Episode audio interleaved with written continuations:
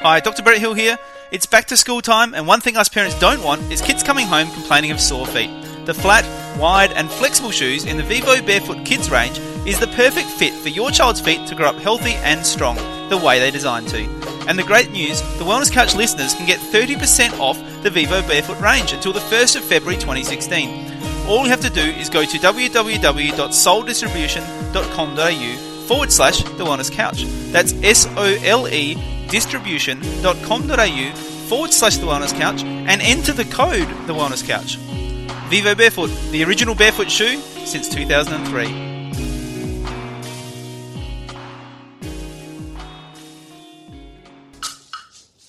TheWellnessCouch.com, streaming wellness into your lives. Welcome to Nourishing the Mother, featuring your hosts Bridget Wood and Julie Tenner. And welcome to Nourishing the Mother. I'm Bridget Wood. And I'm Julie Tenner. And today we're talking about traumatized womanhood, which comes off the back of last week we did Spiritual Vagina, which was a little bit of a joke, but more opening up and awakening what it was to be a woman and what our connection to our sexuality and our intimacy was. And so we thought I've actually just finished reading Naomi Wolf's book, Vagina, which I just got so many insights out of. Again, I had another profound vagina moment. I just thought we really need to talk about this because certainly being a birth worker, I came across so much sexual trauma or mm. trauma to the vagina in women that had massive impact on who that woman woman was as a woman, who she was as a mother, and how she approached birth. So I've seen a lot of it firsthand, and I know it's been a topic of discussion around any birth worker that you'll come across, midwives, you know, um, doulas, anyone. And there were so many interesting passages in this um, Vagina book by Naomi Wolf that I thought is really worth sharing and actually just opening up that light a little Yeah. bit more in case you yourself or someone you know has has undergone some sort of trauma or sexual abuse. Um, and maybe there's something in this that just, I don't know, opens up a window or mm. sheds some light. And I guess I wonder too, and I'm, I'm sure that this you'll go into that. I also mm. wonder if it's maybe not even an outward trauma that somebody would say, you know, that was abuse or that was this, but it might even just be your perception of, of how you were treated. Gosh, that's you know, true, or even it? just how you felt as a woman and you didn't feel, you know, like probably in my case, you didn't feel enough of as a woman, and so you sort of almost shut off that part of yourself and, Mm-hmm. and didn't want to um, go there, you know, and even that in itself can be somewhat distancing from, you know, yourself um, as a woman and, and, and being open enough to really allow birth to come through you and be fully there and present and, and willing and open, which I think is what you're saying about your birth working experience with so many women who, you know, you'd almost kind of see their attitudes to their bodies or their attitude to their you know, vagina, and if they were really kind of like repulsed by it, you, almost like you can always see the way that that's going to unfold from from the point of view of birth. Yeah, definitely.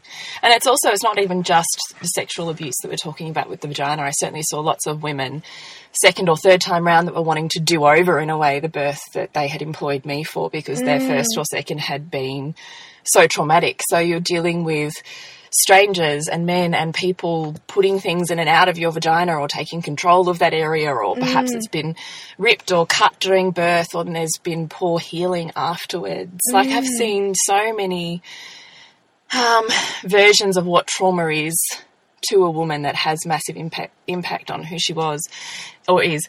And I really wish I had found the perfect um, uh, passage out of Naomi Wolf's book to to really talk to you about what the vagina represents within a woman. But I couldn't find the one package uh, passage. It's more like she talks about what the vagina represents to a woman spiritually, mentally, emotionally, physically, psychologically throughout the entire book. So you get a, it's almost like a building block step. So you, I can't have one passage that's going to really fully highlight it for you. But essentially, what she's trying to get across in the book is that throughout history, going way, way, way back into ancient cultures, and certainly still through um, traditional Chinese medicine and Indian Sanskrit type of medicine, the vagina is is the center of a woman.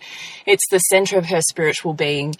It's the place where her life force and energy, creativity, inspiration, and really, she represents the, the life force for that family. Anything that comes through her and out of her relationships is all about the life force that she's able to hold, muster, and share, mm. you know, outward. And it is wholeheartedly the center of a woman's creativity. So, creativity is not just I can crochet and I can cut and paste. Creativity is a much broader spectrum of being able to think outside of the box, create new things around her, new relationships, new friendships, new uh, life, new businesses. Creativity mm. is is about the ability to muster new things mm. in your life and within yourself. And that has ripples and impacts throughout all areas of your life is your ability to be creative, which is the inspiration of a woman. It's it's the divine feminine mm. in action, really, isn't it? So, what Naomi Wolf is saying is that physically, there's a whole neural pathway that connects into the vagina that goes straight up the spinal cord and into the brain. So, physically, we know there's a direct connection between the vagina itself and the brain, the wiring, the processes, the way that it, um, the brain manipulates the, uh, I suppose you'd say information from the vagina, which then creates thought processes, patterns, psychological, mm, I don't know, patterning or processes within the brain directly related to what's happening in the vagina. So when we create physical trauma to the physical vagina, it automatically goes almost straight up that spinal cord into the very core of who that woman is. And it has, what she's saying is, it has the ramifications and the potential to utterly change a woman's life because it's not just the physical vagina. Mm. It's her creativity, it's her life force, it's her life inspiration, and it is literally her spiritual and neurological wiring. Yeah, which which we know, you know, for, you know, through neuroplasticity, that stuff is so firm. You know, if you're not got, you know, actively trying to repattern things, that's the track you're on. You know, that that that's kind of what where your memories are referring to all the time. You know, that experience, and you can you're continually living your life to reaffirm that, mm. unless you're consciously going back into the, I guess, the pain in this case, and trying to heal that. Yes, exactly. So I- I'm going to just read you a couple of passages out of her book. So she did, she has a whole heap of research in this book. And she did a whole heap of work over in Africa with um, refugee camps and women crisis centres. So this is a passage that she uses out of this, which I think probably just highlights a little bit more what we're talking about. So here we go. In spite of their individual courage, what was unmistakable was the aspects of their very souls, in some profound way, had been hollowed out of them. In any one woman, this dimming of vitality was notable. Why would thousands and thousands of soldiers in a conflict situation have used sharp objects to destroy the vaginas of thousands and thousands of women? There was nothing about the rapes with these injuries that seemed sexual to me or even psychodynamic. I believe, given my understanding of the pelvic nerve and its relationship to female confidence, creativity, and will, that these tens of thousands of men were not, in commas, getting off on damaging the internal pelvic structures of these hundreds of thousands of women. Women are brutalised in conflicts in Africa and around the world in this way decade after decade. It was the commanders in Sierra Leone and the Democratic Republic of Congo who ordered this kind of atrocity and who ordered their troops to rape. Individual soldiers of the IRC have been interviewed and have explained they had no choice but to follow these orders. Jimmie Briggs, founder of anti rape and anti violence organisation Man Up, says There is something different about victims of violent rape. I have interviewed people who have been traumatised just as severely in other ways, and there is not the same outcome. I have seen the difference of this res- the difference of the result of this kind of trauma from other kinds of trauma. It is as if a light has gone out of these women's eyes. The Freudian model that violent rape is a result of individual sexual deviancy simply does not account for the systemic use of violent rape in war. So, I've got a couple more passages I want to read, but maybe we'll sit with that mm. first. Mm. Actually, no, I will read this next bit because it probably sums it up. Are you ready for the next Yeah. bit? Okay. Radical feminism sees rape as simply a demonstration of unequal power relations and takes as its motto the assertion that rape is about power, not sex. This is closer to what I now believe to be the truth, but it still misses the ultimate insight. If it is just about power, why involve sex? Why not just beat, threaten, starve, or imprison a woman? You can get plenty of power over women in ways that are non sexual. But if your goal is to break a woman psychologically, it is efficient to do violence to her vagina. You will break her faster and more thoroughly than if you simply beat her, because of the vulnerability of the vagina as a mediator of consciousness. Trauma to the vagina imprints deeply on the female brain, conditioning and influencing the rest of her body and mind. When you rape a woman, or if you sexually abuse her in childhood, you may be patterning her body, possibly for the rest of her life, in ways that embed fear, more easily triggered stress responses, and attendant risk aversion into the very neural fabric of her responses to the world. That may even interrupt her ability to process recent memory in a way that strengthens her ongoing sense of self. Mm, that's heavy. Isn't it? Mm, really heavy. It's hugely heavy, but that's Yeah. why I also thought I wanted to talk about it because it was such a profound insight for me when she really. And in her book, she brings all of these conclusions together through first going through. Uh, Case histories, interviewing a whole heap of experts from different backgrounds, and using a whole heap of um, research. yeah. So her book is is really is really dense in the conclusions that it draws. Uh, almost feel enlightened because she really brings that information together from all sorts of different Yeah, places. yeah. But what I found so profound about that was because we can tend to think the atrocity of rape is, is almost like a, a deviant person Yeah. with a will to do that. But essentially, what she's saying is it's been going on for so many decades, it's almost an embedded patterning of certain It's like a culture. cultures It's a cultural norm for the for that for those you know people you know in, in that kind of situation. It sounds like. Yeah, and she, I think even deeper than that. That I mean, she's sort of saying it's been going on for you know so many years, but you could even say for thousands, possibly even since the beginning of human race. That to some mm. extent there is, on some level, an awareness that when you to break a woman, Yeah.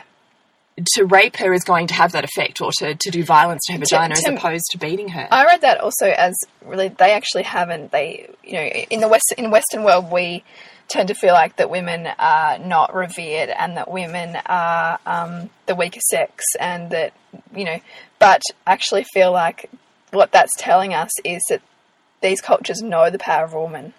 You know, they actually know. Exactly, true. They Yes. know the that the woman is vastly more powerful than a man, and that a way to undermine that power and a way to go to the source of that power is to, you know, Literally actually shred it. literally shred it. Yes. you know, and that's what they're doing. Yes, That is a way that they're undermining that power, that we don't potentially see in our Western eyes because we're so cultured to see that women aren't um, empowered enough. You know, they, they know how empowered women are. They, they know that women are the source of creation, that they know that the, the influence women have over men sexually and, you know, from their energy. They know that women are the source of the family, of the, you know, whether you bear a, a son or not, you know. Mm, and then, mm. then these, in those cultures, obviously, a son is everything. Mm. So to bring trauma to that, you know, that that must be for some men, particularly depending on their own experience, be enormously rewarding if they're very scarred in themselves as a result of you know their view of women. But even as a global, like as a, as a tactic for an entire nation, that the way to short circuit that, Mm. Yeah. to keep women under control, it's it's sort of been almost wired in that that's how you do Mm. it. That there's a um, a result that's come out of, or, or a learning that's come out of perhaps over hundreds of years trial and error of Mm. what works and what doesn't for breaking a woman, and they've on some level figured out Mm. that the way to really break a woman psychologically is actually to rape her Mm. which is you know so profound. And we know that in our in australia here one in three women are victims of sexual abuse. Mm. So when you think about how many girlfriends you have how many of them mm. have had trauma to their vagina and therefore to their entire self? How many women women do you know that are really broken and scarred and view the world so differently through a different filter because their wiring has been forever changed. Yeah. Yeah. Who have a dampener on their creativity or on their, you know, contact to, to joy and inspiration in life or who, you know, constantly mistrust themselves and their level of confidence because it's been so shaken. And I mean, I guess you know, you isolated those passages. Were you really able to draw parallels very clearly between that and what you see with the women that you've worked with? Um, look, I think what I yes and no is the answer to that. Why I pulled those ones out is I felt that they were so so vivid in the way that she pulls together those. Um, I'd never thought about. Well, I guess the the concept of rape psychologically um, being proven in a way to break a woman had never really dawned on me before. Mm. Like you, I knew obviously, you know, post traumatic stress response and la la la. la. Mm. But I don't think we've ever given it, or I've never given it, the, the depth of awareness that it literally can change the very neural structure of a mm. woman. And I found it so profound that, in a way, as, as a species, we've learned how to break a woman is not through any other form of violence. Like, you know, that is. It's, it's to go where a woman's most vulnerable and to where and where Yes. to most effectively short circuit. yes, but know, that, that's a learned, influence. learned response in a way. I found that so profound. And I also wonder if that's almost a bi- you know a, an inherent bio, biological response. That's too. what I mean. Yeah, that's mm. what I mean. And you know, I mean, psychological DNA from how many centuries ago do we even know? I mean, it's been going on for you know as long Yeah. as history will ever any war ever Yeah. has used rape of women in some way mm. to to hurt or oppress or um, stunt the growth of whatever nation it is that we're fighting against. Yeah, yeah. Like it's always been a tactic. Mm, it's not just in Africa. It's just it's probably more profound in our Western world right now. But even genital, you know, mutilation. I mean, how many? There's clitorectomies and there's um, It's still a standard procedure in most African countries. Mm. Yeah, and, and certainly Middle Eastern as well. that, you know, Yeah. the sewing up of the vagina, you know. I mean, all of the, mm. there's so many things that are done to women's vaginas mm. that it's it's fascinating to me that that she can really draw this really strong parallel between um, the nerves that are in there and their direct correlation to how our brains Yeah. wire from from then on. And she actually has this great paragraph. I'm going to see if I can find it down here.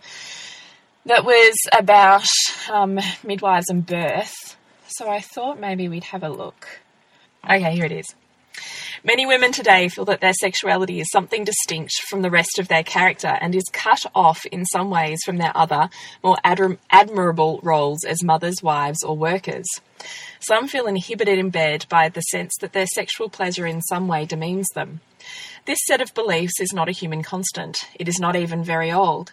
It was essentially alarmed by fe- female enfra- enfranchisement, a word I struggle with, and female sexuality was assigned to a new profession, the male gynecologists. Mm. The Victorian period saw a wholesale shift in how women's vaginas and clitorises were dealt with medically. This shift transferred a middle classes a middle class woman's sexual and reproductive health from the hands of midwives to those of male doctors. These doctors formed professional organisations in order to marginalise midwives.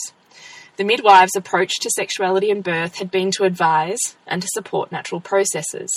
The male doctor's model of dealing with the vagina and uterus, uterus was rather one of heroic medicine, or impatient, sometimes violent, intervention. Mm. And I thought it's still fairly relevant I think it is. Yeah. there's still we kind of have to expand what you know. I hear so many um, women joke about what has happened to them during their in inverted commas traumatic birth in some way. I trained with a woman who was like, "Oh, look, by the time X, Y, and Z had happened, you could have parked a bus up there, and I wouldn't have cared." You know, like Wow. there's so Yeah. much. You know, you're in the stirrups, your legs are spread, everyone's walking in and out of the room. There's been so much in and out and cutting and tools and implements and all sorts of. You like, that's it, it's all gone. I've got Yeah. no dignity left. and we joke about it. Yeah. So many women in our culture jokes about that. Which means it's so normalized, right? Like it's just But for that woman at some level, it's not. yeah. And that's what I want to say is that we have such this thing with birth that we kind of go, oh, pat, pat, doesn't matter, love. You've got your good baby at the end. Hmm. Pat, pat, don't worry about it. You know, everyone's fine and healthy. You know, Yeah. pat pat. Could have packed a bath up there. Who cares? sweep the you know, rest of how it under the, under the bath, under a rug. You know, Yeah. anything else that happened. Yes, we just don't we don't talk about it. But particularly for birth, it's such a moment in life when a woman is so spiritually, emotionally, and mentally open. Mm. That the trauma, I always saw that as that trauma could could almost access a deeper root quicker with a longer lasting imprint. Mm. But I now wonder, having read Naomi Wolf's book, if it really is literally because the vagina is the center of a woman's being and her soul, mm. that we don't have the reverence and the respect for that in this culture anymore. Mm. And it's just a, a part of the body, so you can essentially do whatever you want to it because the end goal is the baby that's inside of there, not the woman and what that represents to her. And I, I do worry, like particularly episiotomies. I don't think. Um, I'm going to get controversial. No, here. get controversial. no, no, I like it. Um, I don't know if you've ever seen an episiotomy, but they do honestly look um, like vaginal mutilation. I can't. It's actually I'm I'm pretty good with any type of blood, guts, and gore. But I've never been able to really seriously watch one. Like I always kind of find myself going, ugh.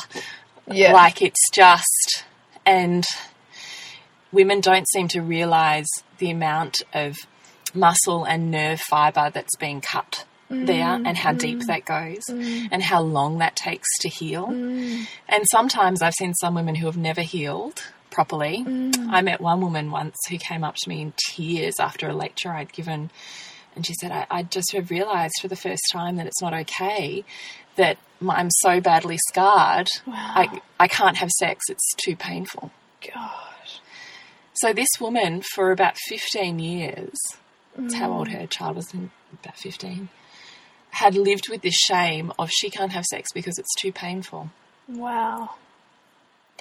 And I just think we just do not give the reverence and the respect Because what you know, is there, the but it was- centre of a woman. there- there's it's standard procedure now, pretty much in most hospitals to do to give an episiotomy. Yeah, it is, and look, all and all manner of all sorts of other stuff that happens in birth. Yeah. and some of it, of course, sometimes some things are medically necessary, and there's a way to roll with that. Yeah. it's when the woman almost isn't part of the picture that that becomes traumatic. Yeah. that things are done to her body without necessarily her full awareness, Mm. um, full sense of consent. By which I mean, okay, she might have gone, okay, you do whatever you want because you know best. Yeah. But she's 100% handed over her power. Yeah. She's not empowered in that situation, which is very much like rape. She, things are being done to her body that she doesn't have a conscious decision or control over. Yeah. Possibly she doesn't fully understand if she has other options or what the ramifications are of not doing or doing that Yeah. and it's done so quickly that I always this is what I always say to my clients is you have no choices unless you know your choices Absolutely. because if you're there it's too late mm. if you don't understand by that point in time when you're there what the ramifications are of doing that or not doing whatever that thing is in an mm. intervention. Mm. You've got no choice. Mm. You're part of a system. And I've seen so much trauma to women's vaginas through the processes, not just of natural birth, but through the, the medical interventions of natural birth that may or may not have been necessary because women have no power. Yeah. And that's what it is. It's a power imbalance, know, because it doesn't happen when a woman is fully informed and you know has caregivers who are able to also help, you know, advocate on her behalf where she's not able to. And takes the willingness of her power. Mm. She takes it back and says, This is my body, my baby, my birth, Yeah. and treat me like I am this process, mm. not we need to do this to you to get your baby out. Yeah. I'm not just simply a vessel. Yes. Mm. And I think women very often hand, I see them so often hand over their power rather than, than keeping it for themselves. Anyway, um, the long and the short of this is I really just wanted to, to get out there that if you yourself have undergone childhood sexual abuse or sexual abuse in your teenage or adult years, or you're the sister of someone, or the mother of someone, or the friend of someone that has, that perhaps you know you're able to really pull some parallels and have a look at what we don't consciously talk about in this culture is the deeper spiritual and psychological ramifications of trauma mm. to the vagina and therefore trauma to the woman herself. And we talk a lot about this, you know, in our podcast as a common theme around that idea that, that the body remembers everything. You know, everything is stored in the subconscious. So it's not simply a matter of getting over something. Mm. You know, we can, we are going to, where, where we have trauma or, or whatever, we're going to continually attract experiences in that are going to continue to push those buttons for us because there's to indicate that there's healing to be done. You know, the body doesn't just get over it. It has, it's, it's got a memory of everything that's ever happened to us. So it's not simply enough to think that time is a, is a healer. No, it's not. Mm. And you only need something to re-trigger that. So, and birth is always going to be the time to do that. So, if mm. you've ever had sexual abuse in your past, it will 100% come up in your birth. It'll come up in the way that you avoid birth, and you have to have you have to in inverted commas have a Caesar, so you don't have to go there. Yeah. Or it'll come up in the way of you um, having a you know um, I want to say transcendental, but this kind of living in your subconscious realm of almost a, a, a reliving of that because you're walking into the subconscious or an avoiding of walking into the subconscious. You don't want to really let go and fully move into birth because there's pain and there's scariness there. This is why you need a really supported, well structured birth, particularly if you've got sexual abuse in your past. And it's also why it would be worthwhile looking for practitioners that do uh, non sexual healing massage of the vagina and the structures and the nerves and the tendons that are in that area because it is the center of that structure that neurologically connects directly through your spinal cord to your brain. Hmm. So when there's there's a few practitioners that do it, but what you'll notice is that they teach you also or your partner how to actually do that as well. And most practitioners, and Naomi certainly talks about them in her book too, notice that as soon as they start massaging or working on those particular areas, emotion just erupts out of these women. That it's also the stored place for all of that unhealed trauma in your life that's sapping your creativity and your life lust is sitting. So it's worthwhile looking back at the vagina the way that um, you know, the Sanskrit tantric versions and the way that the really old philosophical Chinese versions were, which this is such a sacred, life giving place of the woman that you only, you know, enter that area with absolute reverence and mm, respect mm. for what that houses Yeah. within a woman. And even if you haven't physically gone through a process of, of rape or trauma in that area, maybe you've had an experience in the past where you've gone along with something with a partner and then in hindsight not felt okay about it or f- didn't feel like you had a voice in the moment to say you weren't okay with whatever that was. The trauma mm. can come in a number of different layers or a traumatic birth. Yeah. And if you've had any of those experiences, really um, have reverence for the impact and ramifications that has in your life. Know that you can work towards healing that. You just need to seek out the right practitioners. And if you need any help, please drop us an email or Facebook private message and we will help you. Yes. So, to get in contact with us is on Facebook at the moment, Nourishing the Mother. The website is coming for you, Bridget. Yes, it's suburbansandcastles.com, and we've got an event coming up in February which is most likely to succeed. So it looks at the education system and how we need to move into a direction that's more fostering of innovation and creativity. Ah, Um, yeah, that ties in beautifully. It does, it does, yeah. So that's coming up. And for Jules? Is thepleasurenutritionist.com. And we'd love you to rate us on iTunes, um, just to if you're enjoying our podcasts. Yes. Um, and of course, Keeps us going. It does, it does. And of course, if you have any suggestions for topics or you've got any feedback, we'd love to hear from you too. yes, and you can 100% private message us. It doesn't have to be a public post if you're of not course, comfortable yeah, we that. get we get some beautiful emails, and it, it really touches us because it encourages us to continue to be vulnerable and to continue Yes, to, go, to go into the spaces that is, might be somewhat challenging too. Yeah, Yeah. that are really having, you know, deep messages for our listeners and women that are out there that we're really wanting to share that with. Yeah. So, definitely. So until next week, when we continue to peel back the layers of your mothering journey. Bye. Hi, it's Damian Kristof here. Are you ready to take your life to the most incredible level possible in 2016? Well, we've had three sold out wellness summits these last few years, but honestly, nothing comes close to the Wellness Breakthrough, and we have just three spots remaining. Your favourite wellness couch experts, the wellness guys, Karen Smith, Kim Morrison, Quirky Cooking's Jo Whitton, Marcus Pierce, and of course Carl Brock are gathering in the Dandenong Ranges for three days and two nights for one incredible event. If you want possibly the greatest peer group in health and wellness to help you catapult your life to the next level, then we'd love to see you at the Wellness Breakthrough from February 5th to the 7th. But again, there's only three spots available. Entry to the breakthrough is by application only, and to apply, simply email your contact details to marcus at thewellnesscouch.com.